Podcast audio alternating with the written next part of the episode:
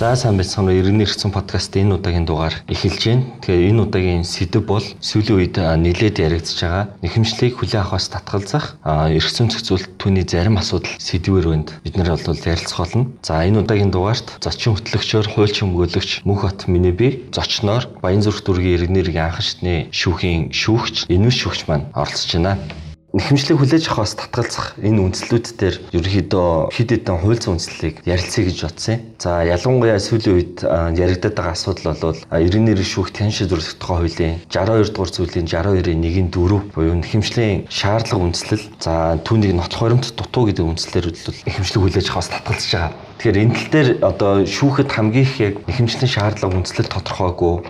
За түүний нотлох баримт дутуу гэдэг үндслүүд дээр их хвчлэн ямар маргаанууд дээр татгалзаад байна. За та бүхэнд 20 минут хүргэе. За энэ сүүлийн үед нэлээ яригадаад байгаа асуудлаар бас ярианд оролж байгаадаа бас таатай байна. Ягаад гэвэл энийг иргэд болон шүүхийн, за хуульчдын дунд маргаантай асуудлын талаар хүмүүст хөнгөлөгчдөө бас тодорхой ойлголт өгөхийн тулд зарим зөрүүтэй ойлголтууд байвал хувь шүүгчийн хувьд за бас зочин хөтлөгч маань тодорхой асуудлуудаар болон хөнгөлөгчийн хувьд тодорхой тайлбарууд хэлэх бах. За сүүлийн үед гарч байгаа асуудлуудаар нэхэмжлийн бүрдүүлбэр хангаагүй гэдэг нь иргэний эрх шүүгт хянан шийдвэрлэх тухай хуулийн 62-ийн 1-ийн 4 за процесс өгөлгээд явчих тийм ээ. Тэгэхээр процессын хуулийн 62-ийн 1-ийн 4 дээр шүүхэд гаргаж байгаа нэхэмжлийн үндслэл болоод шаардлага тодорхойгүй түүнчлэн нотлох баримт гэдэг асуудлаар нэлээд татгалж байгаа гэж яригдж байна. За энэ талаар бас нэлээд шүүхийн судалгааны хувьд бол ийм татгалзал их байд юм байна. Энэ нөөрөө нэхэмжлийг хүлээн авахаас татгалзах гэж процессын хуулийн 65-ийн 1.11 дээр зохицуулагдсан. Энэ талаар шүүхэд мөн процессын хуулийн 170-ийн 1-ээр гомдол гарах эрх байдаггүй. Яагаад гэвэл нэхэмжлийг хүлээн авахд нэхэмжлийн бүрдүүлбэр хангаагүй учраас тухайн зөрчлөө дахин гарах гэдэг нэг процессын хэлбэрийн шаардлага тавигддаг учраас хууль тогтоогч гомдол гарах эрхийн үед ингэж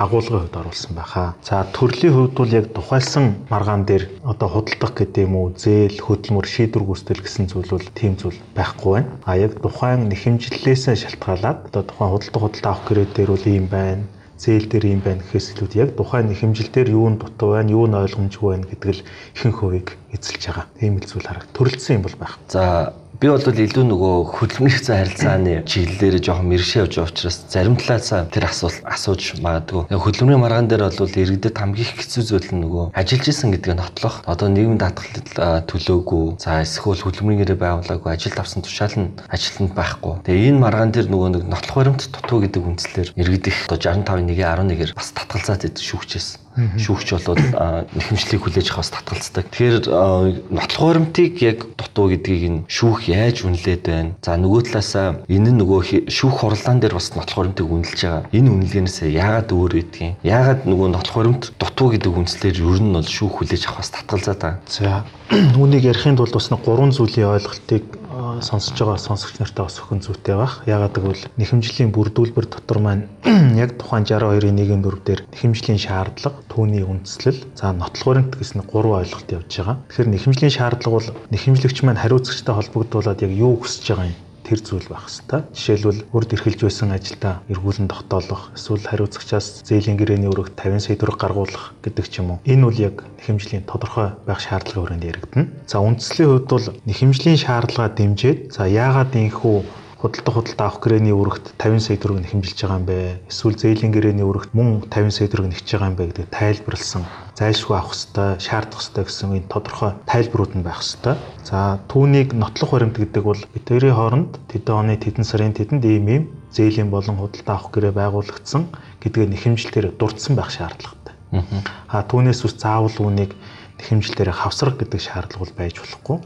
Тэрийг бол дараа нь хэрэг хянан шийдвэрлэх ажиллагааны явцад талууд өөрсдөө бас шүүхэд өгч болно. Эсвэл аль нэг талын хүслээр шүүхийн журмаар нөгөө талаас эсвэл бусад иргэн хуулийн этгээдээс тухайн баримтыг албатан гаргуулж болдог ийм эрхэн нээлттэй учраас нэхэмжил гаргахад зайлшгүй тухайн баримтуудыг бол нэхэмжлээ хавсраж өгсөн байхыг бол шаардахгүй. Харин нэхэмжлийнхаа үндслэлээр ямар үйл баримт буюу одоо ямар баримтыг үндслээд хинээс юу нэгж байгаа вэ гэдгээл дурдсан байхад бол энэ бол хангалттай. Тийм учраас 62-ийн 1-ийн 4 заасан түүнийг нотлох баримт гэдэг бол энэ хүрээнд яригдахаас шүүх хавсаргаагүй байна гэдгээр бол татгалзаж болохгүй.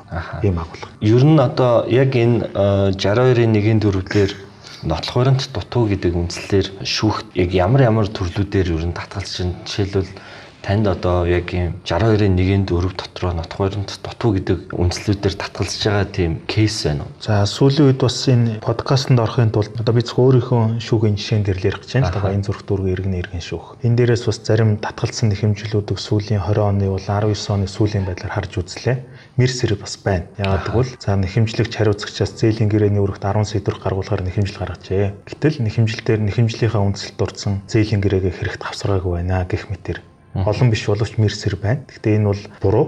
Одоо би бол буруу гэж үзнэ. Ягаад гэвэл тэрийг хавсрах зайлшгүй шаардлагатай биш. Нэхэмжил дээр энэ зээлийн гэрээний дагуу авах ёстой л гэж дурдж байгаа бол тэр нэхэмжлийн 62-ын 1-ийн 4 заасан түүнийг нотлох баримт гэдэг бол хангагдсан гэж үзнэ. А харин дампуурлын тухай хуульч гэдэг юм уу? За онцгой ажиллагаагаар хэргийг шийдвэрлэхэд зарим тохиолдолд хуулийн дээр заасан байдаг. Тухайн ийм ийм ийм баримтуудыг нэхэмжилтэд хүсэлтэндээ хавсаргаж ирүүлсэн байх ёстой гэдэг.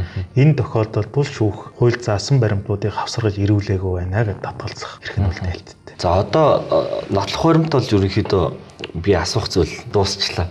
Аа бас нэг гараад байдаг асуудал бол нэхэмжлийн шаардлага болон үндслэл хоёр хоорондоо зүрдэг нэг асуудлууд гарч ирдэг. Тэгэхээр нэхэмжлийн шаардлаган дээр огт өөр зүйлийг шаардаад үндслэлээ огт өөр үндслэл тайлбарлаад үйл баримтын тухай яриад. Тэгэхээр энэ талаар та сонсож байгаа бас сонсогчдод иргэдэд бас нэг ойлголт өгөөч. Ер нь дийлэнхтэй өмгөөлөгч нар ч тэр иргэд тэр яг энэ нэхэмжлийн шаардлага үндслэл хоёр зүрсэн асуудлаар ер нь шүүхэд ямар их давтамжтайгаар ямар агуулгаар бас кейс гараад байгаа вэ? Энэ ер нь ихэнх татгалзлуудын бас нэлээд дийлэнх хувийг эзэлнэ. Яг бол иргэд хуулийн мэдлэг дутуугаас гэдэг юм уу нэхэмжлийн шаардлага үндэслэл тодорхойгүй дээрэс нь зөрөх байдал ажиглагддаг. А шүүхийн хувьд бол нэхэмжлийн шаардлага үндэслэл гэдэг өөрөө холбоо биш. Өөр өөрийн гэсэн утгатай өөр өөр ач холбогдолтой. Тэгэхээр шаардлага нь тодорхой атлаа үндэслэл нь тодорхойгүй байна уу? Эсвэл үндэслэл тодорхой мөртлөө шаардлага тодорхойгүй байна уу? За хэд хэдэн жишээ хэлээгэвэл энэ хийс үр жишээ хэлж яана л да. За доржид би автомашин худалдсан. За түүнд надад нэг 20 сая төгрөг өгөх хэрэгтэй юм аа. Гэтэл өгөхгүй байна. А гэсэн чинь сүүлийн үед надад 20 сая төгрөгийн хооронд зөрүүлээд бас нэг өөр машин өгье гэж ярьж байна. Тийм учраас намайг хохирлгүй болгож өгнө. Гэт хэмжлээ гаргацсан. А үүний шаардлага бол доржоос 20 сая төгрөг нэх гээд байгаа мó эсвэл 20 сая төгрөгийн хооронд автомашин буцааж авах гээд байгаа мó яг шүүхээр дамжуулан хариуцагчаас юу хүсэж байгаа нь энэ бол тодорхой биш байгаагийн нэг жишээ.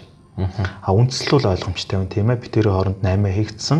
Мөнгө өгөхгүй байна. Тэр хүн заримдаа мөнгө өгье гэж ярьдаг, заримдаа машин өгье гэж ярьдаг. Үндсэл нь тодорхой. Харин шаардлага тодорхойгүй байгаа байхгүй. Үнэхээр доржоос та 20 сая төгрөг нэхэд байна уу? Автомашин ихэд өн энийгээ тодруулчаад ирээгээ шүүгч хэмжлийг нь хүлээх хас татгалзаж явах жишээтэй. Бас хөдөлмөрийн зүйн маргааны хувьд үрд эрхэлж байсан ажилдаа буцаан томилуулъя гэсэн нэхэмжил гарч байгаа. За нэхэмжлийн шаардлага бол тодорхой гэдээ ойлгочих тийм ээ. Үрд эрхэлж байсан ажилд. Нэхэмжлийн үндслийн үзэхээр ажилд орохдоо компанитайгаа гэдэг юм уу байгууллагатайгаа менежерийн ажилд хөдөлмөрийн гэрээтэй байдаг. А гэтэл явц дундаа ажлын байраа солиод одоо хилцээний дарга байд юм уу эсвэл нэг арай өөр ажил руу шилжчихсэн байна. Гэтэл тэр нь тушаал шийдвэргүй ингээд ажлын онцлогоос шалтгаалаад явцсан байдаг. За байгууллага маань хүнийг ажлаас салахдаа менежерийн ажлаас нь халждаг. Гэтэл хамгийн сүүл менежерийн ажил дээр эсвэл юу гэдэг нь худалдааны зөвлөхийн ажил дээр ажиллаж исэн байдаг. Тэгэхээр урд эрхэлж байсан ажил гэдэг нь их хэмжэлдээ менежерийн ажил буцаан томилуулахыг хүсэж байгаа уу? Аль эсвэл худалдааны зөвлөхийн ажил томилуулахыг хүсэж байгаа уу? Тэр бас шаардлага тодорхойгүй байдал үүсэж байгаа. За үндслийн хувьд бол тэн дээр тодорхой дуртай зарим баримтуудаа хавсаргасан байд юм уу? дэлгэр өнгөд дурдсан байх юм бол байна. Тэр шаардлагын үед ийм тодорхойгүй зүйл байгаа. За үнд шаардлага нь тодорхой мөртлөө үндэслэл тодорхойгүй байх зүйл байна. За би доржид 20 сая төгрөг өгсөн ч өгөхгүй байна. Над доржоос 20 сая төгрөг гаргуулж өгнө үү? Энэ бол доржоос 20 сая төгрөг авах гэж шүү дээ, тийм ээ. Шаардлага тодорхой. Ямар учраас та 20 сая төгрөг авах байгаа юм бэ гэдэг үндэслэл нь байх. Тухайн 20 сая төгрөг чинь зээлүүлснийхээ хариуд авах гээд зээлийн гэрээний өргөт авах байгаа юм уу? Худалдаа худалдаа авах гэрээний өргөт авах байгаа юм уу? Яг ямар учиртай гэдэг нь тодорхойгүй маш давчхан байдаг. Тэгэхээр энийгээ задлж өчөөд Жишээлбэл бид хоёр 20 сая төгрөгөөр худалдаа худалдаа авах гэрээ хийсэн ч өгөхгүй байна. Гэт нэх бол болж байгаа. Ямар юм авах гээд байгааг тодорхойгүй учраас энэ дээр үндслэн тодорхойгүй гэж үзнэ. Тэгэхээр түрүүний хэлдгээр шаардлага үндэслэл гэдэг чинь өөрөө хоёр өөр утгатай, хоёр өөр үр дагавартай учраас энийг манай иргэд болон хуульч нар бас анхаарч явах хэрэгтэй. За шүүхийн хувьд бас шаардлага үндэслэл тодорхойгүй гэж татгалзахдаа зарим тохиолдолд холбоо үг байдлаар бас хэрэгэлдэг тохиолдлууд бас ажиглаж яхад бас байна. Яг гэвэл таны нэхэмжлийн шаардлага үндэслэл чинь тодорхойгүй юм байна гэдэг байдлаар татгалзаж байгаа юм. Гэтэл яг шүүхийн хувьд харж байгаа зүйл нь шаардлагын тодорхойгүй гэж үзэж байгаа юм уу? Үндэслэлийн тодорхойгүй гэж үзэж байгаа мó аль нь болох нь тодорхойгүй болцсон байдаг. Тэгэхээр жирийн иргэний хувьд энэ дээр бас яг ойлгомжгүй байдал үүсээд шүүгч үндэслэлгүй татгалзлаа, буруу татгалзлаа гэдэг зүйл бас харагдах. Ийм зүйл бол бас нэлээд байна. Тэгэхээр энэ чинь хоёр талтай юм л да. Ойлгомжгүй нэхэмжлэлийг шүүгч бас өөрөө ойлгохгүй тохиолдол байна шүү дээ тийм үү. Тийм учраас ойлгохгүй байгаа зүйл дээр яг одоо процессын үеийн 65% 2 гэдэг зохицуулалтаар бол шүүгч хэрхэн шүүхэд нэхэмжлээ дахиж гаргах вэ? Шүүх нэхэмжлээ чи хүлээж аваад иргэний хэрэг үүсгэе гэхээр юу саад болоод байгаа вэ гэдгийг зааж өгөх хэрэгтэй. Тэгэхээр шүүгч маань нэхэмжлийг өөрөө ойлгомжгүй нэхэмжлийг өөрөө ойлгохгүй байгаа учраас яг хэрхэн засахыг бас зааж өгөхөд хэцүү байж болно. А хоёрдугаар асуудал бол зарим захирамжууд ингээд судлаад үзэж яхад яг зөрчлүүдийн тухайл энэ энэ болохгүй байна гэж зааж байгаа боловч тэр 65%-2 зааснаар шүүхийн үүрэг нь хэрхэн дахин мэдүүлж болох вэ гэдэг тэр заах арга замын заагаагүй орхисон тохиолдлууд бас нэлээд байд юм байна. Тэгэхээр энэ дээр бас шүүхийн алдаа бол тийм алдаанууд бас нэлээд ажиглагддаг зүйл гарч байгаа. Энэ дээр би бас нэг тодруулах зүйл нь шүүх нэхэмжлийг хүлээж авахаас татгалзахтаа зөрчил бүрийг уг нь бол дурдах хэвээр. А гэтэл зарим шүүгч нар бол зөрчил бүрийг бас дурддаггүй тал байна. Өөрөөр хэлбэл нэг одоо нэхэмжлэл гаргаал хүрээд ирэхэд нэг зөрчил тавиал нэхэмжлийг буцаачдаг. Нөгөө хүн зөрчлийг арилгаал дахиад нэхэмжлэл гаргадаг. Гэтэл дахиад нэхэмжлэл гаргасан чинь өмнөх нөгөө нэг зөрчлөөсөө өөр зөрчлийг гаргаж ирээд бас нэхэмжлэг хүлээж авах бас татгалцдаг. Тэгэд энийг зүгээр би нөгөө хуульч өмгөөлөгч үднээсээ жоохон хардчихаа. Би танд би нэг подкастт зориулаад нэг тоо баримт авчирсан. Тэгэхээр анхан шатны шүүх 2019 оны 3 дугаар үйлрэлд 45997 нэхэмжлэл гомдол хүсэлт хүлээж авснаас 8517 нэхэмжлийг хууль засан үнслээс хүлээж авахс татгалцсан байна. Шүүн таслах ажиллагааны тайлан дээр. А гэтэл 2019 оны 1-р улиралд 17965 нэхэмжил гомдол хүлээж авснаас 2184 нэхэмжлийг хууль зас үнслэр хүлээж авахс татгалзаж байгаа. Тэгээ энийг бол яг мэдээж 1-р улиралд гарч байгаа учраас тоон бол бага. Тэгэхээр процентлоод ингээд ховчлаад аваад үзэх юм бол 3 дугаар улиралд бол 18% тай нэхэмжлийг хүлээж авахс татгалзаж байгаа. А 1-р улиралд нь бол 12% тай. Ингээд 17 оныг хараад үзэхээр мөн 3 дугаар улиралд 21.4% тай нийт нэхэмжлээ. Мөн 17 оны эхний улирлыг аваад үзэхээр 16.4% тай. Тэгэхээр энэ дээрс нэг зүйл ажиглагдаад байгаа юм л да. Шүүгч нар ихэвчлэн ер нь бол 3 дугаар улиралд амардаг. Ээлж амралт авдаг. Тэгэхээр хуульч нарч дээр иргэдийн зүгээс бас нэг хардлага байдаг нэг зүйл нь юу вэ гэхээр яг одоо ээлж амралт авахаас өмнө нэхэмжлэг хүлээж авахаас одоо татгалцдаг юм тохиолдлууд байна. Тэгэхээр миний нөгөө нэг түрүүн ярьсан шиг хид хідэн зөрчлүүд бас тавихгүйгээр за яг ээлж амрал авах юм бас нэг юм үйлдэлүүд гарах юм боломжтой байгаад байна л да. Энэ дээр таны бодол юу вэ? За хоёр тусад нь хариулъя. За нэгдүгээрт нь шүүгч ирж байгаа нэг хэмжил тухайлбал нэг гурван алдаатай байлаа гэхэд тус тусад нь татгалзаад байна гэдэг нэг зүйл ярьж байна тийм ээ. За 100 ихэнх шүүгч амардаг учраас үлдчихэж байгаа хэд нь бас нэг хэмжлээс их татгалж яах нэг хоёр агуулга ба шүү дээ. За эхлээд тэр зуны асуудлаас нь эхлээд хариулъя.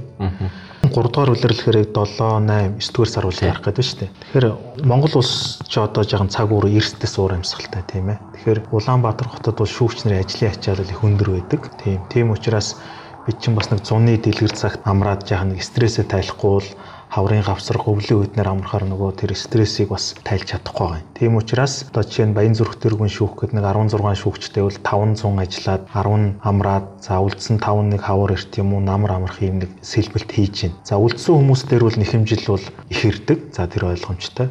Тэгэхээр энэ дээр нэг хоёр талтай зүйл харагдаад байгаа юм л да. 100 цөөхөн хүн олон нэхэмжил авч байна. За иргэдийн хувьд бас нэг 5 сарын сүүлээс эхлээд за 6 сарын эхнээс эхлээд нэг наадам хүртэл шүүхийг бол нэхэмжлэр дарддаг. Ягаад гэвэл нэхэмжлээ өгчөд амраад явцдаг. Намар ирэх хооронд нь нэхэмжлэл нэг хурал зарлахад бэлэн болцсон байна гэсэн нэг ийм ойлголт байх шиг байгаа юм. За Баян зүрх дүүргийн шүүхийн үед бол бас энэ дотроо дотоод судалгаа хийгээд ярилцаж үзэхэд бас жил үрийн 100 ирж байгаа нэхэмжлүүд бусад гурван улирлаас бас арай илүү байд юм байна тоон үзүүлэлттэй. Жишээ нь хаврын 1 2 3 4 5 дугаар сард нэг 400 нэг хэмжил авч исэн бол 7 8 9 нэг 600 болдог ч гэдэг юм бас нэг юм бас зүйлүүд ажиглаж байгаа. Тэгэхээр их нэхэмжил ирж байгаа учраас татгалзах хүнсэл бас их гарч байгаа байх тал байс бас байж магадгүй тийм ээ. За хоёрдугаар зүйл нь хуучин 15 шүүгч ажиллаж байхад нэг шүүгч нэг дунджаар 5 нэхэмжил юм уу эсвэл нэг 20 нэхэмжил татгалздаг байсан бол 5 шүүгч ажиллахад тэн дээр ч нөгөө 5 шүүгчдэр олон нэхэмжил ирэхээр нэг шүүгчээс олон татгалзал гарч байгаа бас нэг зүйл харагдчих магадгүй. Нэг ийм зүйл байгаа. За дээрэс нь яг таны хэлэх гэж байгаа санаагаар шүүгч ачааллаа бууруулахын тулд татгалзах хүндэслэгүй юм эсвэл үүсгэж яваад ажиллагааны явцад залруулчих байдлаар юмыг татгалж байгаа асуудал ус гарч байгаа үүсэх аргагүй. Энэ дээр бол би марах юм алга. Тийм мерсэр ганц хоёр зүйл байдаг учраас. Тэгэхээр ийм хоёр талтай зүйлүүд байдаг учраас 100 татгалзал нэлээ өндөр ажиглагдаад байдаг. Өндөр байгаа нь бол ойлгомжтой тийм ээ. Энэ бол байдаг марахгүй зүйл. Хаа тухайн шалтгаан өөрөө юу вэ гэдэг нь бас нэлээд чухал. За хоёрдугаар зүйлийн хувьд шүүгч нэхэмжлэр 3 алдаа байхад нэг нэгээр нь үндэслэлийн зааж байна гэж дээ. А шүүгч хүний үүрэг бол жишээлбэл нэхэмжил ороод ирлээ гэхэд нэхэмжил гарах ирэхгүй итгээд гаргацсан байна. Тэмдэгтийн ур хамжаа дутуу төлсөн байна. Шаардлага юм үндэслэн тодорхойгүй байна гэдэг 3 4 алдаа байвал нэхэмжлийг хүлээн авахаас татгалзахдаа бүх алдаануудыг бүгдийг нь олоод бүх үндслүүдийн татгалзаад тухайн зөрчлүүдээ хэрхэн алдаагаа засч болох вэ гэдгийг бүгдийг нэг мөр зааж явах хэрэгтэй. А түүнээс биш за энэ удаа тэмдэгтийн хурамжаар нь татгалзчихъя. Дахиад ороод ирэхэд нь нэхэмжил гарах хэрэггүй юм байна. Тэргээр нь татгалцчих. За 3 дахь удаа орж ирэх гэдэг бол тэр нэхэмжлийн шаардлага үндслээр нь татгалцчихъя гэж болохгүй. А хэрвээ ийм зүйл практикт их байгаа юм уу, нэлээд байгаа бол энэ бол цэвэр шүүхийн буруу. А мэдээж иргэн хүний хувьд юм уу, хуулийн этгээд явууд одоо нийгэм хөгжсөн 21-р зуун гарцсан учраас нин тэргуунд хуульчид хандах хэрэгтэй.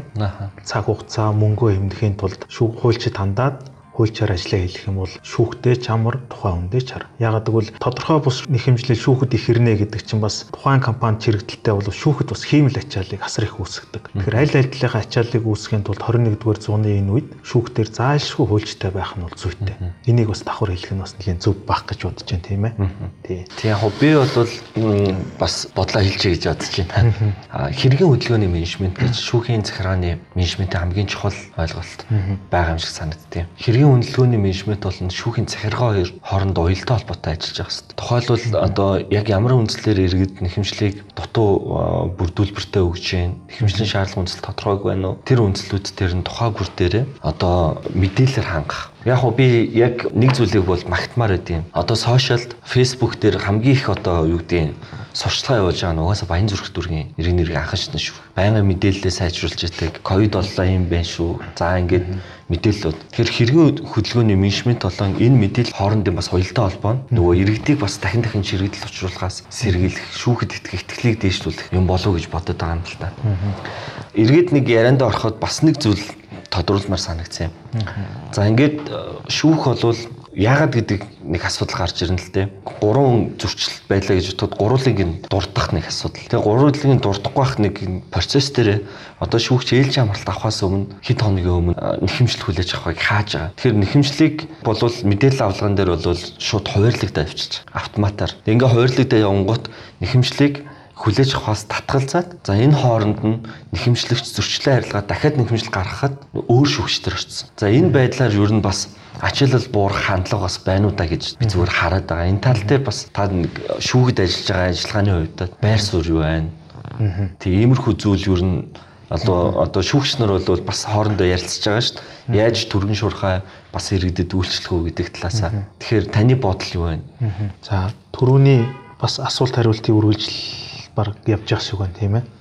Тэгэхээр шүүхтэр бол ийм асуудлууд бас байхыг үгүйсэх арга байхгүй. Тэгэхээр шүүхийн хувьд бол тодорхой нэхэмжлийг хүлээн авахаас татгалзах зөрчлийг хэрхэн заах вэ гэдгээс шалтгаалаад нэлээд цаг хугацаа алдах тохиолдол бий. Тэгэхээр нэг шүүхэд нэхэмжил гаргасан бол зөрчлөө арилгаа тодорхой 7 хоног орж болно, 1 хоног орж сарын дараа ирж болно. Гэтэл түрүүний таны хэлдгээр шүүгч нэхэмжлээ одоо уул нэхэмжил хүлээн авах зогсоод манай дүүргийн хувьд бол ажлын 10 хоногийн өмнө зогсож байна. Магадгүй нэг 14 хоногийн өмнө нэхэмжлийг хүлээн авахаас татгалзчихлаа нөгөө хүн зөрчлөө цаад 10 хоногийн дараа ирлээ гэхэд нэхэмжлийн зогсооцсон байгаа учраас өөр шүүгч тэр нэхэмжил хуваарлагдана. Тэгэхээр иргэдийн хувьд юм уу хуульч нарын хувьд за сүүлд сошиалар ус гараад байгаа татгалзлын асуудал гэдэг бол энэ дээр бас нэг хардлага байж болцсохгүй. А гэхдээ энэ бол тухайн шүүгчийн үнэхээр татгалзах ёстой байвал өөр шүүгчдэр очин тийм ээ. Татгалзах ёстой бол татгалзсан шүү дээ. Татгалзаад тэр шүүгч хууль зааснаар ээлжийн амралт аваад нэхэмжлээ зогсоолгосон байвал тэр шүүгчийг эртэл нь хүлээх боломжгүй учраас энэ өөрөө нэг шүүхийн хандах иргэдийн шүүхэд хандах эрхийг хязгаарлах боломжгүй учраас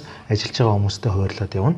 А авсан шүүгч нь үнэхээр өмнөх захирамжийг үзээд зөрчил арилсан байна гэвэл үсгээд явхад боломжтой. А харин амрах гэж байгаа юм чинь гэдэг байдлаар нэхэмжлээс татгалзах асуудал шүүхэд байж болохгүй. А үнэхээр тийм хандлагаар татгалцсан нь одоо хуульчийг захирамжийг үзэхэд илт тийм зүйл байгаа юм бол энэ бол шүүхийн алдаа. Тийм л зүйлтэй. За одоо дараагийн зүйл бол 65-ын 1-ийн 3 буюу урьдсан шийдвэрлэх боломжтой урьдсан шийдвэрлэх ажиллагаа хийгдэх боломжтой юм нэхэмжлүүдээс татгалздаг бас нэг үндэслээд. Энэ тал дээр ер нь бол та одоо жишээл 65.1-3-оор хэрэг тохиолдол ер нь татгалзаж байна. Татгалзах тохиолдлууд мэдээж байна. Ялангуяа хөдөлмөрийн маргаан, шийдвэр гүйцэтгэлийн маргаан дээр бол их зөнхөлдөг. А өөр бусад байдлаар бол ер нь гайгүй. Ягаад гэвэл иргэний шүүхтэр зээлийн гэрээн дээр бол худалдаа худалдаа авах гэрээн дээр бол ийм зүйл байхгүй. Тухайлбал шийдвэр гүйцэтгэл дээр шийдвэр гүйцэтгэгчийн гаргасан эрхийн актан дээр маргаж байгаа бол юуны төрөн шүүхт хандхаас өмнө ахлах шийдвэр гүйцэтгэгч нь хандсан байх ёстой. Түүнийг нь зөвшөөрөхгүй бол ерөнхий шийдвэр гүйцэтгэгч нь хандсан байх ёстой. Тэгээд тухайн хүний гомдлыг барагдуулахгүй бол эрхээ хамгаалуулахар шүүхт хандах хэрэг нээлттэй. За энэ процессоо гүйцээгээгүй байвал шүүхт татгалзаад та хууль зааснаар ахлах болон ерөнхий шийдвэр шийдвэр гүйцэтгэгчэнд гомдлоо гарга тэр шийдвэрүүдийн хариуг авсны дараа зөвшөөрөхгүй бол сая 2020 оны 1 сарын 10-нд шийдвэр гүйцэтгэлийн тухай хууль өөрчлөлт ороод шүүхэд хандах эрхийг нээж өгсөн байна лээ. Тэгэх юм бол та хууль зааснаар 14 хоногийн дотор шүүхэд нэхэмжлээ гаргаа гэж татгалзах ийм тохиолдол байна. За хөдөлмөрийн маргааны тухай гэх юм бол мөн түрүүн таны хэлснээр тэр цалин үйлс нэхэмжилж байгаа бол тухайн байгууллага компани мөн нөхөрлөл дотроо хөдөлмөрийн маргаан таслах зөвлөл гэдэг юм уу тийм зүйл байгаа бол эхлээд тэндээ хамтах нь зүй ёсны асуудал. Хэрвээ байдгүй бол нэхэмжлэлээрээ манай компани ийм зүйл байхгүй гэд нэхэмжлээ тодорхой хвчээд ороод ирэх юм бол шүүх шууд хүлээн авах боломжтой. Процесс хуулийн 65-ийн 1-3 дээр бол хүрээ нь бол бага. Аа тэр чиглийн маргаанууд их баялангуяа баян зүрх дээрх цонхилдог учраас энэ үндслээр татгалзах зүйлүүд бол нэлээд байдаг. Тийм. Ер нь бол дүүргийн шүүхүүдээс хамгийн их одоо ачааллын хувьд гавд үзвэл нэг шүүгчд ойролцоогоор хэдэн хэрэг байна.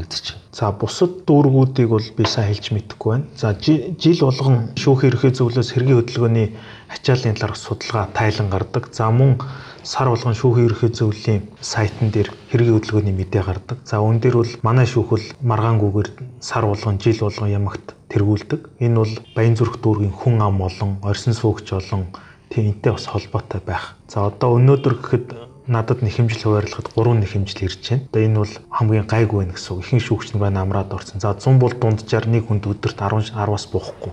Одоо 7 8 дугаар сард. А 9 дугаар сараас тэгэл багассаар угаал 3 ирнэ. За бүх шүүгчнэр ажилд ороод ирсэн үед бол дунджаар нь 2-оос 3.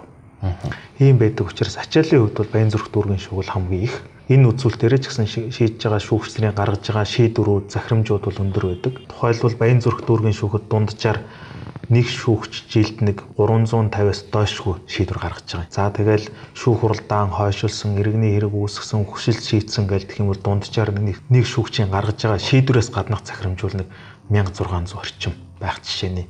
За үүнийг бусад одоо хөдөөний шүүхүүтэй бол харьцуулахгүй шүү дээ. Одоо Сүхбаатар, Чингэлтэй, Баянгол, Хангуул гээд бусад төвийн дүүргүүтэй харьцуулахад бол хийгдэж байгаа ажиллагаа нь өөрөө Баян зүрх дүүргийн шүүгэл их байдаг. Тэгэхээр шүүхийн ачаал бол ийм байдаг. За ачаал их байна гэдэг нь өөрөө бас сэдвтэйгээ холбогдуулаад тайлбарлахад нэг хэмжлээс татгалзах бас шалтгаан болохгүй тийм ээ. Тий. Тий. Э, яг би э, илүү яагаад асуусан бэ гэхлээр нөгөө зочноо яагаад сонгосон бэ гэхлээр магадгүй хамгийн их ачаал өндөртэй Тэгэхээр ачаал өндөртэй байна гэдэг чинь нөө тоон үзүүлэлтээр 10 хүн тутмын нэг нь татгалзах ч байдаг юм уу? Эсвэл 20 хүн тутмын нэг нь татгалзах гэдэг чинь бас нэг өөр агуулга учраас тэр утгаар нь зочноо өрсөн шүү гэдэг байдлаар мэдээлэл хүргэе гэж утсан. Аа хоёулангийн чинь дараагийн нэг ярих нэг зүйл бол 99 шүүх тань шийдвэрлэлт хуулийн 65 дугаар зүйлийн 65-ын 1-9 байгаа. Ялангуяа иргэд бол энэ дээр маш бухимддаг. Одоо хариуцагчийн хаяг тодорхойгүй гэдэг. Тэгээд яг иргэдийн хувьд юу байдаг вэ гэхээр яг нөгөө хариуцагч маань энэ энэ дээр амьдрдаг штэ гэдэг нэг нэг юм ойлголттой байгаад байдаг. Нөгөө талаасаа хорон носон тодорхойлт хүрээд ирдэг. Тэгэхээр нэг хаяг тодорхойгүй энэ нэхэмжлийн татгалзлууд дээр ер нь шүүхэд яг ямар хөө асуудлууд гарч байна. Тэгэхээр энэ талаар бас та мэдээлэл хүргэж. Сая бит 2 62-ийн 1-ийн 4, 65-ийн 1-ийн 3 гэж ярьлаа тийм ээ. За шүүхийн хувьд нэг бас нэг зовлон байна. юу гэхээр 65-ийн 1.9 ч бай, 62-ийн 1-ийн 4 ч бай, 65-ийн 1-ийн 3 ч татгалцлаа. Зөрчлөө арилгасангүй дахиад ороод ирлээ. Хоёр дахь удаага татгалцлаа, гурав дахь ороод ирлээ. Тэгэхээр дахин дахин татгалзаад байх нь тухайн шүүгчтэй бас өөрт нь бас хэцүү. Одоо чинь миний хувьд бол би тэр өмнөхөр зөрчлөө засахгүй байхад нь би татгалзаад байхад надад бас хэцүү байдаг. Хүнийг ингээл чирэгдүүлээл байгаа юм шиг. Магадгүй тэр хүн зөрчлөө засахгүй боловч би татгалзаад байхад тэр хүнийг чирэгдүүлээд байгаа юм шиг ойлголт нөх хөв хүнд мань төрдөг учраас хэцүү. Дуудаж уулзаад засуулчихаар хуулиар хориотой. Тэгэхээр одоо яах вэ гэдэг асуудал гарна. Дахиад татгалцаас өөр аргагүй гэдэг нэг ийм үр дагавар төрдөг учраас нөгөө шүүгч маань бас өөрөө хэдийгээр тэр үндслэн байгаа ч гэсэн бас нэг хүнийхээ хувьд адилхан хүн учраас бас нэг ийм асуудал байна. Одоо нийтлэг зүйл хэлэхээ хувьд. За 65-ын 1.9-ийн тухай гэх юм бол хариуцагч маань за Баян зүрх дүүрэгт хариуцагч байгаа учраас Баян зүрх дүүргийн 3 дугаар хорооны тэдийн тэдэд гээл татгалзна. Утасны дугаараа мэдээж бичсэн байгаа. Утсараар нь ярьлаа, холбогдох боломжгүй эрхэн хаагдсан, туслах маань тэмдэглээ үлдчихнэ. За хаягаар нь явуулаа шуудан дээр хариу ирж байгаа. Хэд хэдэн хариу ирнэ энэ хаягн дээр өсө бүртгэлгүй юм байна. Эсвэл бүртгэлтэй боловч орьсон суудаггүй юм байна. Эсвэл мэддэгдэл үлдээгээд ерөөсө хариу ирдэг вэ. Тийм учраас буцаалаа гэж шуудангийн ажилтан буцаачиж байгаа. Шуудангийн ажилтан гэдэг нь тухайн шүүхэд ажилдаг бичиг хөрөгчүүл биш тийм ээ. Энэ бол тусдаа бие даасан Монгол шуудан компани ажилтан. За эренгүүт нь шүүх нэхэмжлийг хүлээх авахаас татгалзаж байна. Яг гэвэл хариуцагчийн хаяг тодорхойгүйгээ туйлан дээр томьёологдсон байна. Шүүхийн зүгээс ямар ажиллагаа хийх ёстой вэхээр хаягаар нь ажиллагаа явууллаа байхгүй гэдэг нь тогтоогдож байна. Нэхэмжлэгчийн өгсөн хаягаар нь ярьлаа. Утас нь холбогдохгүй байна. Одоо ямар үр дагавар үүсэх вэ гэхээр нэхэмжлийг хүлээх авахаас татгалзлаа. Хариуцагч нь байхгүй бол та өөрийнхөө орсон суудаг газрын шүүхэд хандаад энэ хүнээ эрен сурвалжуулж болно гэдэг асуудал гарна. А гэтэл хуульч нарын хувьд гэдэг юм уу иргэдийн үдггүй наад хүн чинь байгаа юм а шүүхээс цухтаагаад ирэхгүй байна. Тийм учраас хэрэгээ төдгөл зүйлээд ирэн сурвалжлаад өгөөч. Эсвэл албадын ирүүлээч гэдэг ийм шаардлага шүүхэд тавьдаг. За шүүх хэлснийхэн дагуу ажиллагаа хийчихээр бас зовлон үүснэ. Албадын ирүүлэх арга хэмжээ авч болно. А гэтэл нөгөө хариуцагч маань шүүхэд дуудан ирүүлэх хууцыг гардаж авсан байх хэвээр. Гардаж аваад ирэхгүй бол бид албадаа ирүүлж болж байгаа. Гэтэл нөгөө хүмүүс шүүхээс дуудсан эсэгч мэдэхгүй байхад нь шууд албадаа ирүүлэх арга хэмжээ авах юм бол нөгөө хүнд бас шууд эрхэнд нь алдчихж байгаа. Ийм асуудал байна. Энийг бол нөгөө жирийн иргэд мэдэхгүй учраас ийм шаардлага тавигдчих. За хоёрдугаарт нь төдөлзүүлээд ирэн сурвалжлах асуудал. Тэгэхээр энэ өөрөө процессын хуулийн 80 дугаар зүйлээр зохицуулсан ийм асуудал байдаг. Тэгэхээр энэ хоёр нь өөрөө арай өөр хуулийн агуулгатай. Процессын хуулийн 81-ийн 6 дээр хариуцагчийг эрен сурвалжлах шаардлага бий болсон гэж зохицуулсан. Тэгэхээр бид иргэний энэ процесс ажиллагааг төсөөтэй хэрэглэх бас боломжгүй хуулийн зүйл болгон өөр ингэсэн зорилготой үр дагавартай. Тийм учраас нэхэмжлийг хүлээн авлаа, хариуцагч руу тав хүргэлээ, дуудлаа хариуцагч байхгүй бол өөдгөл эрен сурвалжчих гэж бас болохгүй юм. Яагаад гэвэл хуулийн дээр хариуцагчийн хаяг тодорхойгүй бол та нэхэмжлийг хүлээн авахаас татгалзсан а нэхэмжлийг хүлээн авахаас татгалзах 7 хоногийн хугацаанд өнгөрөөд хэрэг үүсгэсэн бол хэргийг шууд хэрэгсэхгүй болох гэдэг хуулийн заалттай. Үр дагаврыг хилээд өгсөн байна шүү дээ. За хэргийг хэрэгсэхгүй болгоод эсвэл нэхэмжлийг хүлээн авахаас татгалзсан бол нэхэмжлэгч маань өөрийнхөө амьдардаг газрын шүүхэд хандаад эрен сурвалжлуулж болно. Яг гэвэл иргэний эрх зүй харилцаанд оролцуул зохих дорж олдохгүй байна эрен сурвалжилж өгөөч гэдэг гаргалгааг нь хууль тогтоогч хийгээд өгсөн байна. За ямар тохиолдолд бид эрен сурвалжилж болох вэ гэхээр ерөөсө хариуцагч олддгүй юм бол эрен сурвалжчих гэсэн үг биш. Хариуцагч нэхэмжлийн хувийг гардаж аваад хэрэг ханан шийдвэрлэх ажиллагаанд оролцоод явж байтал ирсэнгүй. Гэтэл энэ хэргийг шийдэхин тулд хариуцагчийг шүүх хуралдаанд бичлэн оролцуулаад зайлшгүй түүний тайлбарыг сонсомоор байдаг. Ингэжээж шүүхийн шийдвэр маань хууль ёсны өгөөд үндэслэхгүй байх хуулийн шаардлага хангагдах гад байдаг. Гэтэл хариуцагч байхгүй. Энэ тохиолдолд шүүх 81-ийн 6-гаар одоо хуулийнхан томьёолоор заацнаар хариуцагчийг ерэн суруулах шаардлага үүсэж байгаа байхгүй. А түүнээс биш хариуцагчийн хаяг тодорхой биш байна гэдэг шаардлага биш. Дараа дараагийн хуулийн гаргалгаануудыг хийцсэн учраас энэ өөр хуулийн заалт руу өсөрж хэрэглэх зохицуулт биш учраас энийг бас бид ялгаж зааглах хэрэгтэй байна. За одоогийн шүүхийн практикт бол яаж байгаа вэ гэхээр төдөлзүүлээд ерэн сурвалжилдаг ойлголт зохицуултууд байгаа. Одоо би ч гэсэн тэгдэг. Тэгэхээр би ярьж байгаа юмныхаа эсрэг үйлдэл хийж штэ.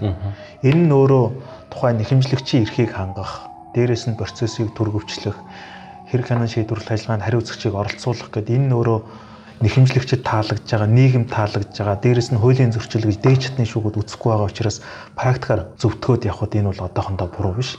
А хуулиа яг зөв ойлгож тайлбарлаад алстаа ингээд явъя гэвэл энэ төдөлзүүлэх асуудалд бол ер нь 65-ийн 1-9-оор татгалзах асуудлыг буруу.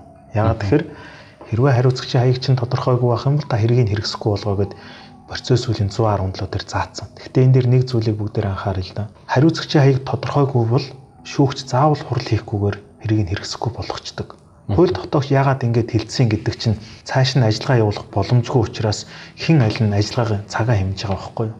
А бусад зохицуултан дээр бол бид нэр шүүх хурлыг зарлж ээж хуралдааны явцад тухайн байдал нь тогтоогдох юм бол хэрэг хэрэгсэхгүй болгодог гэр тухайн зохицуултуудын хууль тогтоогчийн үзэл санаа өөр харагдаад байгаа үстэй тийм ээ. Тэгэхээр ийм ялгаатай зүйлүүд байдаг учраас хариуцагчийн хаяг тодорхойгүй гэдэг үл ийм. А бас нэг практикт нэг зүйл юу хийж байгаагаар бас л нөгөө нэхэмжлэгчийн эрхийг хангах гэж штэ. Нэхэмжлэгч маань өөрөө баян зүрх дүүрэгт амьдардаг. Хариуцагч нь бас баян зүрх дүүрэгтэй байвал хэргийг төдөлзүүлээд ерэн сурвалжилдаг юм практик байна манай шүүхийн хувьд. Яг гэвэл тэр хүн хэргийг хэрэгсэхгүй болгосны дараа эргээл баян зүрхийн шүүхтээ ерэн сурвалжлуулъя гэж нэхэмжил гаргах учраас энэ хүн манай дүүргийн эрг юмч ерэн сурвалжлуулъя гэдэг бас нэг хуулийг зөв талаас нь тайлбарлаж штеп бид нар тийм ээ. А Сүхбаатар дүүргийн иргэн тэгвэл бид нар татгалзаад та Сүхбаатар дүүргийн шүүхтээ хандаад ерэн сурвалжлуулах хэмжлээ гаргаа гэд. Аль болох бид нар тэгш байдлыг хангахын тулд ийм ажиллагаануудыг хийхгүй бол хууль имээгээд сууж байвал бас харилцааныхаа хувьд бас болохгүй учраас нэг ийм зүйлүүд бас хийгээд байна. За ялангуяа нэг гадны хөрөнгө оруулалттай компани нэг асуудлууд гарч ирдэг.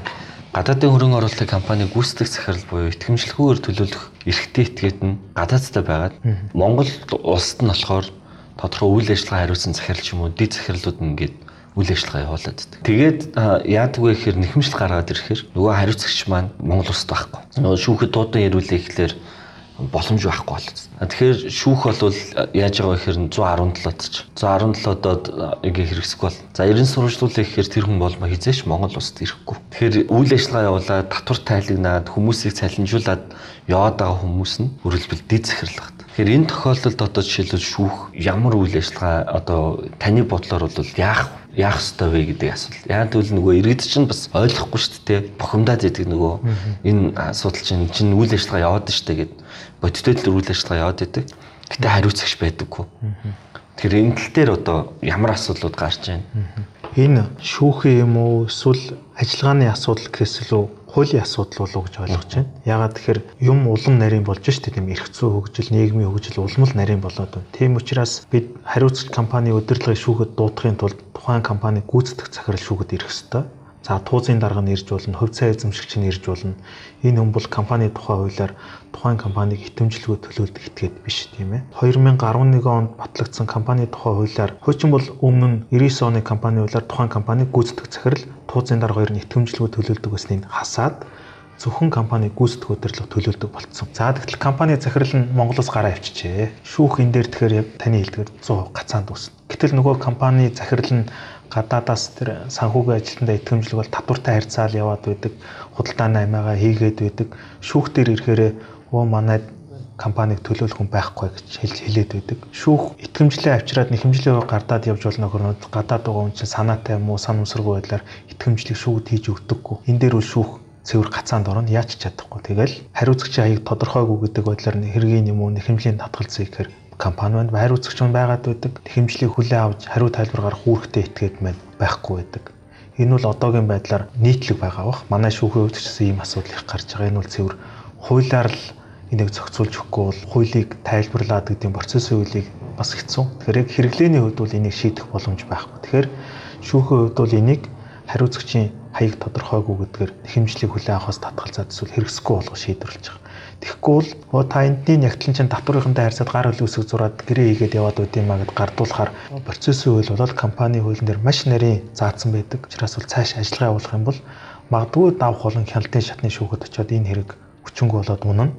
Тэгэхээр хин хинийхээ ажиллагаа цаг завыг өрөх учраас энийг бол ажиллагаа нэгэнд хуулийн тодорхой байна боломжгүй учраас хэрэгсэхгүй болохоос өөр зохицуулт байхгүй. За энэ дээр итгэмжлийн асуудлыг би бас тайлбарт бас дуртчих тийм ээ. Юу гэхээр нэхэмжлэгч дорж батад холбогдуулаад нэхэмжил гаргахтаа өмгөөлөгч одоо мөнх хотод итгэмжил өглөө. Манай намайг төлөөлөө шүүхт нэхэмжил гаргаач ээ гэд. За итгэмжил өөрөө тодорхой байх хэвээр. Яг л энэ түрүүний хэлдэгтээ уялдуулаад за дорж би батад холбогдуулан шүүхэд нэхэмжил гарах эрхийг өмгөөлөгч мөнх хотод өгж байна. Яг ийм л итгэмжил байх хэвээр. Гэтэл дорж нь за би дорж би өмгөөлөгч мөнхөдөд миний өмнөөс нэхэмжил гаргах хэрэг өгч байна гэдээ ерөнхий заачдаг. Хинт холбогдуулж нэхэмжил гаргах байгаа заахгүй байгаа. За ямар шаардлага гаргахыг бас заахгүй байгаа. Тэгэхээр энэ магадгүй итгэмжил авсан хүн дураараа ажиллах гэдэг юм уу? Нэхэмжлэгчийн хүсээгүй зүйлээр шүүхэд хандах, эсвэл хид хідэн хариуцагчаар татах, хүсээгүй зүйлийнхэн төлөө шаардлага гаргах гэдэг ийм зүйлүүд үр дагавар мессер гардаг учраас итгэмжил бас тодорхой байх хэрэгтэй.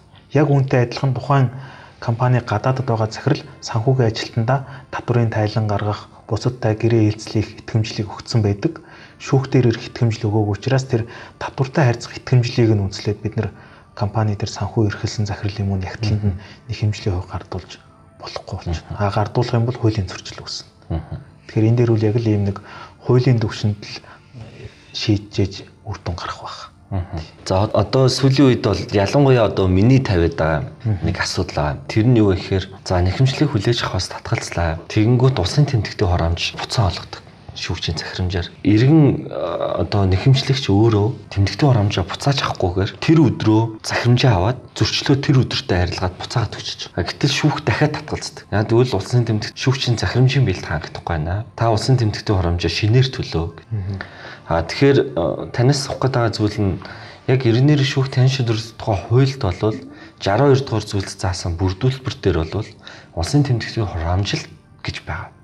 Тэр хурамжийг шинээр төлөх эсвэл хүчин төгөлдөр хэсэгтэр бол шууд шүүх ямар нэгэн байдлаар дүгнэлт гарахгүй. Тэгэхээр энэ дээр бол миний байр суурь юу байна гэхээр одоо улсын дэд шүүхийн зөвлөмж байгаа богино хугацаанд хэрвээ захирамжийг аваад шүүхэд тэмдэгтэн хурамжийг буцааж өгж байгаа тохиолдолд бол шүүх уг нь бол хэрэг үүсгэл явах хэрэгтэй. Нөө зөрчил арилгасан. Богино хугацаа гэдэг юу гэж ойлгохыг гэдэг стандарт байхгүй юм. А хоёрдугаарт нь гэх юм бол их хэмжээний одоо тэмдэгтэн хурамж. Мөн их хэмжээний тэмдэгтэн хурамж гэдэг юу гэж ойлгох вэ гэдэг нь бас байхгүй. А тэгээ практик дээр бол яаж яах вэ гэхээр иргэд чинь нөгөө дундаж иргэд Монголд их олонтой. Тэгээ нэг 300 сая төгрөгийн тэмдэгтэн хурамж төлөлөөд 500 сая төгрөгийн тэмдэгтэн хурамж төлөлчөөд дахиад нөгөө тэмдэгтэн хурамжаа буцааж авах гэхээр татвар өөрөө сард нэг эсвэл дүүргээс хамаарат хоёр удаа л тэмдэгтэн хурамжийг буцаж олгоо. Тэгээ ингээд хүлээгээд нэхэмжил гарахаас өөр ингээд цаг хугацаа нөгөө шүүхэд итгэх итгэл буураад байгаа юм л да. Тэгэхээр энэ тал дээр яг таны бодол За тэгээд дээрэс нь одоо яг яагаад заавал тэмдэгтийн хурамжийг одоо шинээр түлхийг шаардаад идэгин. Тэгээд энэ талаар бас асууя гэж бодсон. 19 оноос өмнө тэмдэгтийн хурамжийн асуудал их ойлгомжтой байсан баг тийм ээ. Сая татварын байгуулагч 19 онд программын шинжилт хийлээ гээл тэрнээс хойш тэмдэгтийн хурамжийн асуудал нэлээд яригтэй болсон. За шүүхүүд магадгүй тус бүрдээ өөрийнхөө харьяа татварын байгууллагт хамтарч ажиллаж байгаа бах. Баян зүрх дүүргийн шүүхийн хувьд бол яг энэ асуудалтай холбоотойгоор татварын хилцтэй ингээд хамтарсан уулзалтыг л энэ асуудлыг яаж шийдэх вэ? Бид нар юун дээр тодорхойгүй байдлаар алдаад байна. Шүүх бас зарим зүйлийг буруу зүй ойлгоод татгалзаад байна уу гэл тухайн үедээ ер нь уулзаал бид нар баруун 2-оос 3 удаа уулзалт хийсэн. Эн чинь бас тэмдэгтийн хураамжаар дахин дахин татгалзаад байх нь бол цохимжгүй учраас тухайн үедээ тэнд нь шийдэл хайж штэ. За хэд хэдэн зүйл ажиглагдсан юм байна. Тэр татварын алба 19 он шинжил хийсэн гэхээр өмнө нь бол дансан тодорхой байсан тийм ээ. Тус сүүлийн үед нэг 100 200 300 та нэг тийм дансанд төл гэдэг зүйлийг татварын байгууллага шүүхүүдээр хэлсэн. Ягаад гэвэл нэг шилжилтийн үе явж байгаа учраас хэсэгтээ энэ данс руу хийж байгаарай гэдэг. Тэгэхээр энэ данс руу хийхгүй байгаа бол тэмдэгтүүр ам төлсөн гэж үзэхгүй байгаад хэсэг татгалзлаа шүүхээс. За сүүлд нөгөө шилжилтийн үеийн дусаад татварын байгууллага маань нийгмэр болчлоо. Энэ дээр нэг 13 орондоо давхцахгүй 13 оронтой нэг төлбөрийн даалгаврын дугаар үсгэж штэ тухайн хуулийн этгээд регистрийн дугаар нэр ус гэд. Энэ тохиолдолд тодорхой байх юм бол шүүх юуг анхаарах вгээр тэмдэгтэй хурамжин дээр за төлбөрийн даалгавар үүсгэсэн байна уу? Хин гэдэг хуулийн этгээд байна гэдэг нэр усаараа регистрээр харагдчихна. За нэхэмжлийнхаа үнийн дүнгийн хэмжээтэй тэнцэх хэмжээний мөнгө төлсөн байна уу? Нутх нь тэмдэгтэй хурамж гэж орж ирсэн байна уу? Дээрэс нь Баян зүрх дүүргийн шүүхэд хандж байгаа бол Баян зүрх дүүргийн шүүхэд гэж бичсэн байна уу? Энэ бол хамгийн чухал асуудал. Ийм зүйлүүдийг хангацсан байвал ямар дансанд төлсөн байх нь бол ач холбогдолгүй. За Улаанбаатар одоо сүүлийн үед шүүхт ирж байгаа нэхэмжлүүдийг харахад Улаанбаатар банкнд тэмдэгтийн урам төлж байгаа бол тэр саяны хэлсэн зүйлүүдээр нэмээд 100, 200, 300, 943 билүү 41 билүү тэр дансанд төлдөг юм байна. За бусад банкуд дээр төлөхөр янз бүр. Төрөүний хэлдгээр Баян зүрх дүүргийн шүүхэд улсын тэмдэгтийн урамжид 500 мянган төгрөгийг А гэдэг нөхөр төлцсөн байна төлбөрийн даалгаврын дугаар нь байна. Шал үр дансны дугаар гараад байгаа. А энэ тохиолдолд зарим шүүгчнэрийн хувьд бол данс нь биш байна гэдээ татгалздаг ийм асуудал байгаа. Энэ нөгөө өмнөх шилжилтийн үедэр мэдээлэл муугас гэдэг юм уу эсвэл буруу зүрх ойлголтоос болоод ийм зүйл нэлээд гарч байна. За одоо бол юу тодорхой болсон гэхээр данс бол нэг ач холбогдолгүй ямар дансанд тулсан байгаа нь тэр төрийн сангийн дараагийн асуудал. Тийм бол ач холбогдолгүй. Ийм учраас иргэд маань хэрвээ Баян зүрх дүүргийн шүүхэд нэхэмжил гаргах гэж бол Баян зүрх дүүргийн шүүхэд улсын тэмдэгтийн хурамч гэдэг утгатайгаар төлбөрийн даалгавраа өөрийнхөө эргэстрийн дугаараар үүсгээд нэхэмжлийнхаа үнийн нүд яг тохирсон хэмжээгээр төлсөн байх юм бол тэмдэгтийн хурамжуул татгалзахдахгүй гэсэн үг. Ийм зүйл. За нэхэмжлийг хүлээн авахаас татгалзаад 7 хоногийн дараа яг тухайн баримтаараа өгөх шүүх татгалзаж байна гэж штэ. Энэ авах хэцүү, авахгүй байх хэцүү одоогийн яг асуудал бол. Яагаад авах хэцүү гэж хэлж байгаа вэ гэхээр өнөөдөр чинь 9 дугаар сарын 18 байна тийм ээ.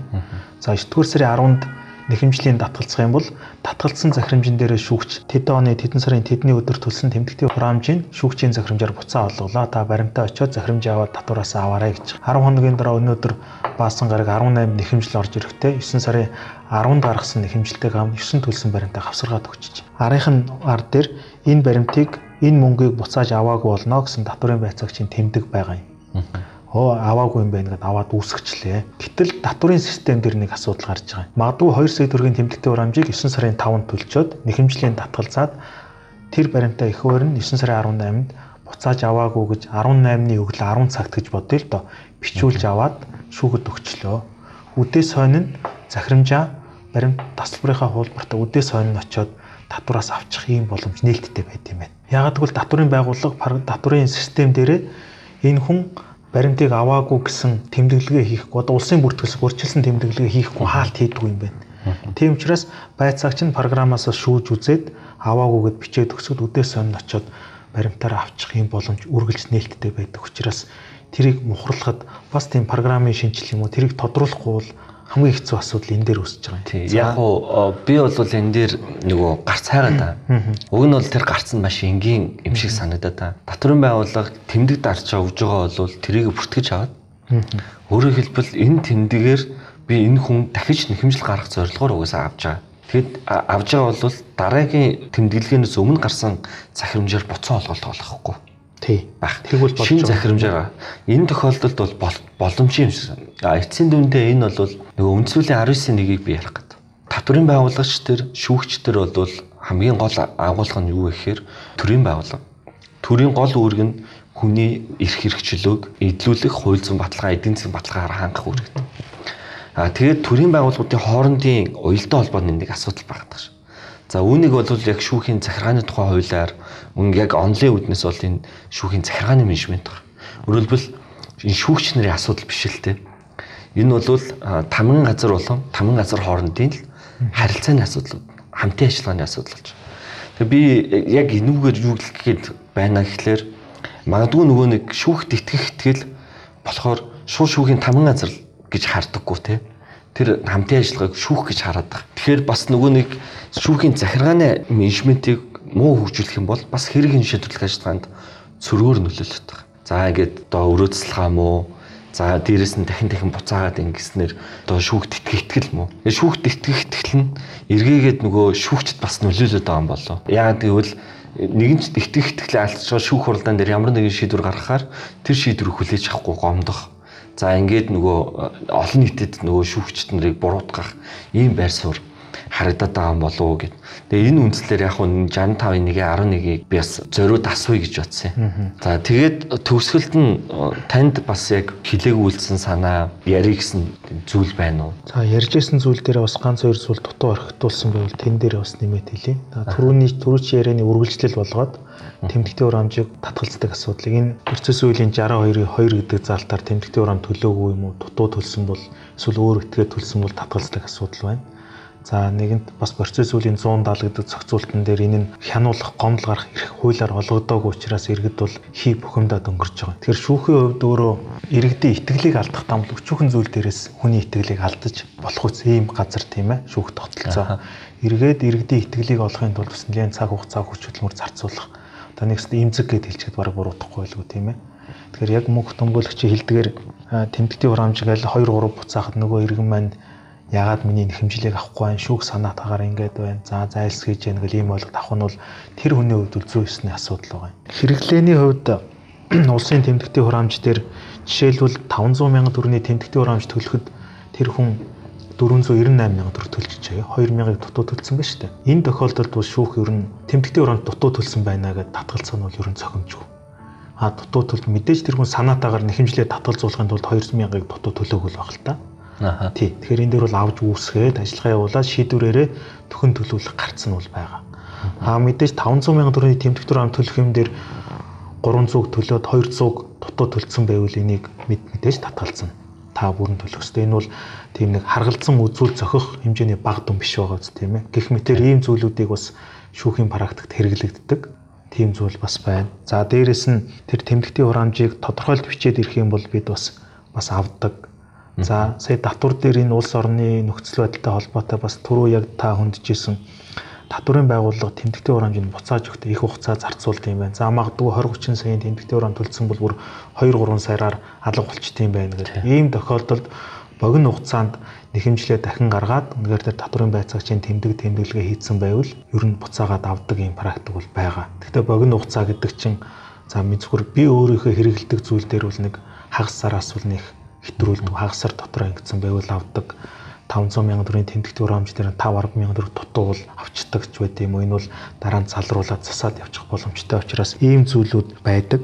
Тэгэхээр ийм энэ дээр ийм зүйлүүдийг бас нэлээ нэмээд хэлчих нь зүйтэй болов гэж бодож байна. Түрүү хэлсэн зүйл дээр бол за тэр хариуцагчийн хаяг тодорхойгүй байдал, хариуцагчийг ерөн сурвалжлуулах зайлшгүй шаардлага үүссэн байдал гэдгээ бас хуульч нар маань болоод иргэд маань бас нэлээд зайлшгүй ялгаж үзэж явах зохимжтой болов уу гэж бодож байна. А тухайлбал бүр дээхэн үед бол яадаг байсан гэхээр нэхэмжлийн шаардлагыг өөрчлүүлээд ерөн сурвалжлуулцдаг байсан. Жишээ нь нэхэмлэгч нь баян зүрх дүрг иргэн байвал шүүх нөгөө иргэн туслаа цаг хугацааг хэмнэх гээд бүр хуулийн алдаанд хүргэдэг.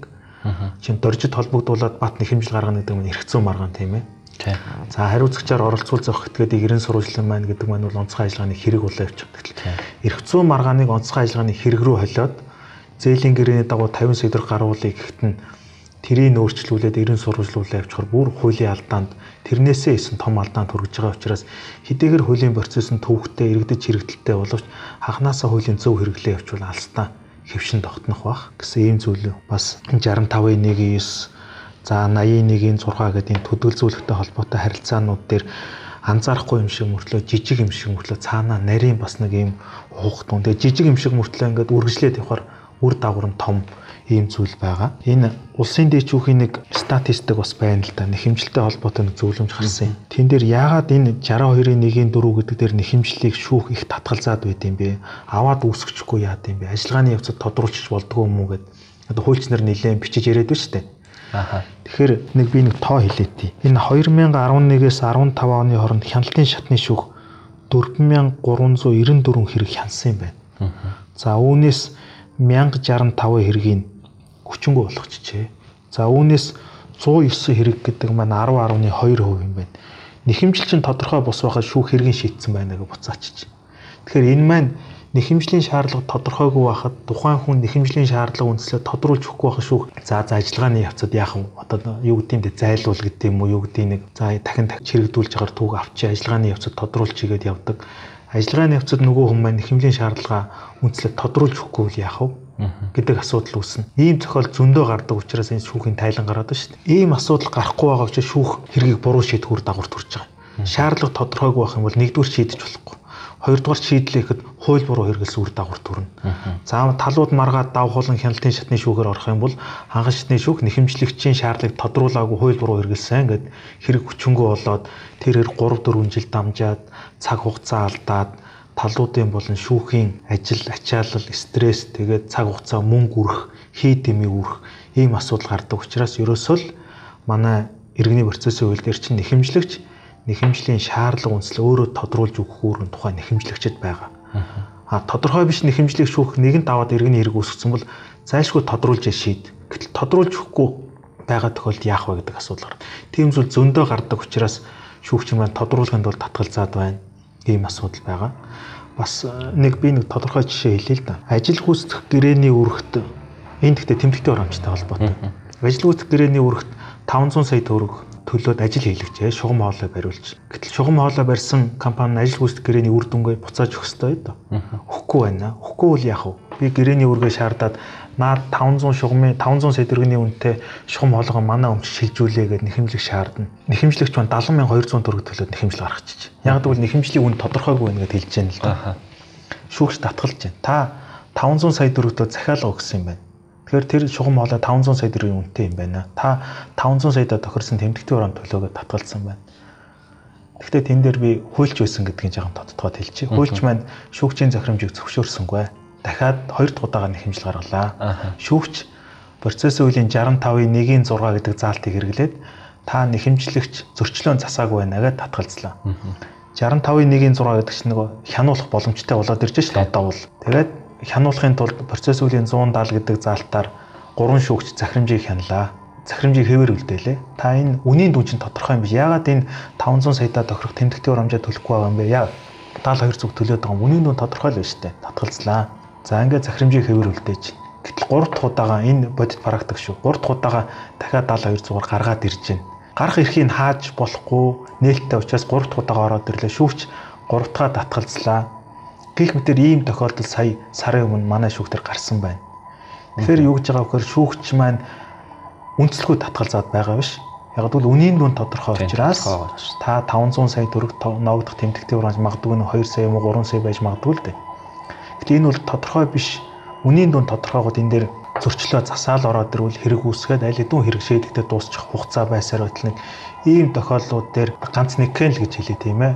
Бас иргэдэг гэдэм үү хуульч нар маань ийм алдаа гарах асуудал байна. Аа тэрийг шүүх ерөөсөө буруу байна гэдэг зүйл бас ярьж байна. Аа мэдээ шүүхэд тодорхой алдаа байхыг би үүсэхгүй тийм ээ үүсэхгүй энэ бол мерцэр яригадаад байдаг заримч бодиттой зүйл байдаг нэхэмжлээс татгалзахтаа ингээд хоёрын хооронд яг түрүүний таны хэлгээр амрах төхөөрөө татгалздаг. Одоо зөрчлийг хайж олж байгаа татгалздаг. Хоёрын хооронд ялахгүй зүйлээр татгалздаг. Ажиллагааны явцыг залруулчих байхад заавал татгалздаг. Энэ нөр ачаал бууруулахтай холбоотой юм уу? Энэ тэрээгээд өчнөө яригддаг. Энэ талаар дээд шүүх болон шүүхийн ерхий зов судалгаа хийдэг. Тэгэхээр ийм зүйлүүд шүүхэд бас мэрсэр байна. Энийг бол би үүсэхгүй. Хүлээн зөвшөөрнө. А нөгөө талдаа иргэд маань би түрүү хэлээд байгаа нийгмийнх нь хөгжил өндөрт гарчаад байхад одоо бид бол иргэний процесс хууль нь 2002 оны хууль ба шүү дээ. Хууль нь гоцрогдсон. А тэрийг мэдээж шүүгчнэр маань хуулийг айлуулах ирээдүйг харж хуулийг ойлгож хэрэгжиж хэрэгжилж байгаа. Тэгэхээр энэ нэлээ удацсан байгаа 18 жил хөдлөхгүй байгаа энэ хуулийн байдлаар ингээд яваад байна гэвэл бид бас жоохон ирээдүгөө хараад шүүх маань тэр иргэд маань тэр ингээд ирээдүгөө харагдсан жирийн иргэн одоо 21 дугаар зуунд хамгийн түрүүнд хуульчид хандах хэрэгтэй бол өөрөө явж явж явж шүүхтэр очиод мухардаж мухард эцсийн дүндээ хуульчид хандна гэхээр нөгөө тэр болохгүй болсон юм хуульч маань өмгөөлөгч нь залруулах боломжгүй төрсэн байдаг бас нэг алдаа ба штэ. Тэгэхээр анханасаа л иргэд маань хуульчид хандаа сурчвал иргэдэд дээр шүүгч шүүхэд бас дээр. Тэгэх юм бол ер нь иргэн хуулийн этгээд шүүхийн хоорондын харилцааны гол гүүр бол хуульч. Тэгэхээр хуульч нар маань энэ дээр хүртэл бас нэг тухайн зүйлийг зарим зүйл дээр бодиттой гэдэг юм уу харж ивэл бас зүгээр. Тэгэхээр ийм зүйлийг яг энэ хэмжлийг хүлээн авахаас татгалзахтай холбоотой зүйл дээр бол ийм зүйлийг хэлье гэж бодож байна. Тий. Мэдээж шүүхэд санаа тагаар нэхэмжлийг татгалздаг байх. Үнэхээр тэгээд татгалзаж байгаа тохиолдолд бас нөгөө гадуур сошиалор шүүхийн бас нэр хүндэд талдаж штэ. За Баян зүрх дүүргийн шүүх, Сүхбаатар дүүргийн шүүгч гэдэг юм ингээ шүүхүүдийн нэр дурдаад. Гэтэл тэн дээр тэнд ажиллаж байгаа Баян зүрх дүүргийн шүүх дээр 50 60 ажилтан байна. Тэр дотроо 15 6 шүүгч байна. Нэг хоёр шүүгчийн алдаанаас болоод гэдэг юм уу тийм зүйлээс болоод нийт шүүхийн нийт шүүхийн тогтолцоог харлуулах асуудал бас байдаг. Тэгэхээр энэ асуудал дээр шүүгчнэр байна бас өөрсдөө дотоодоо ярилцдаг, анхаардаг зүйлүүд байдаг а нэг нь ярьж хахад биендээ шаардлага тавьдаг зүйлүүд бий. Тэгэхээр өөр өөрсдөө өрөөндөө ороод хаалгаа хааждаг асуудал биш учраас хаана энэ асуудлыг анхаар анхаардаг. Тэрнээс л оо иргэд ярьжлаа бид ингэдэг ингэдэг зүйлүүд байхгүй. Бид нар бас дотроо ярьдгаа бас шийдгээ зас залруулдаа залруулдаг гэдэг зүйлийг бас хэлгэн зүг баг тийм ээ. Энэ хүрээд подкастын дугаар маань өндөрлж байна. Тэгээд бидний сонссон сонсогчид за эргээд хуульчид бас шүүгч нартай баярлалаа гэж хэлмээр байна. Бас хүрэлцээрсэн явдал Баян зүрх дүүргийн эрнэрийн анхан шатны шүүгч Энүш танд бас баярлалаа гэж хэлмээр байна. За баярлалаа. Тань бас амжилт хүсье. За баярлалаа.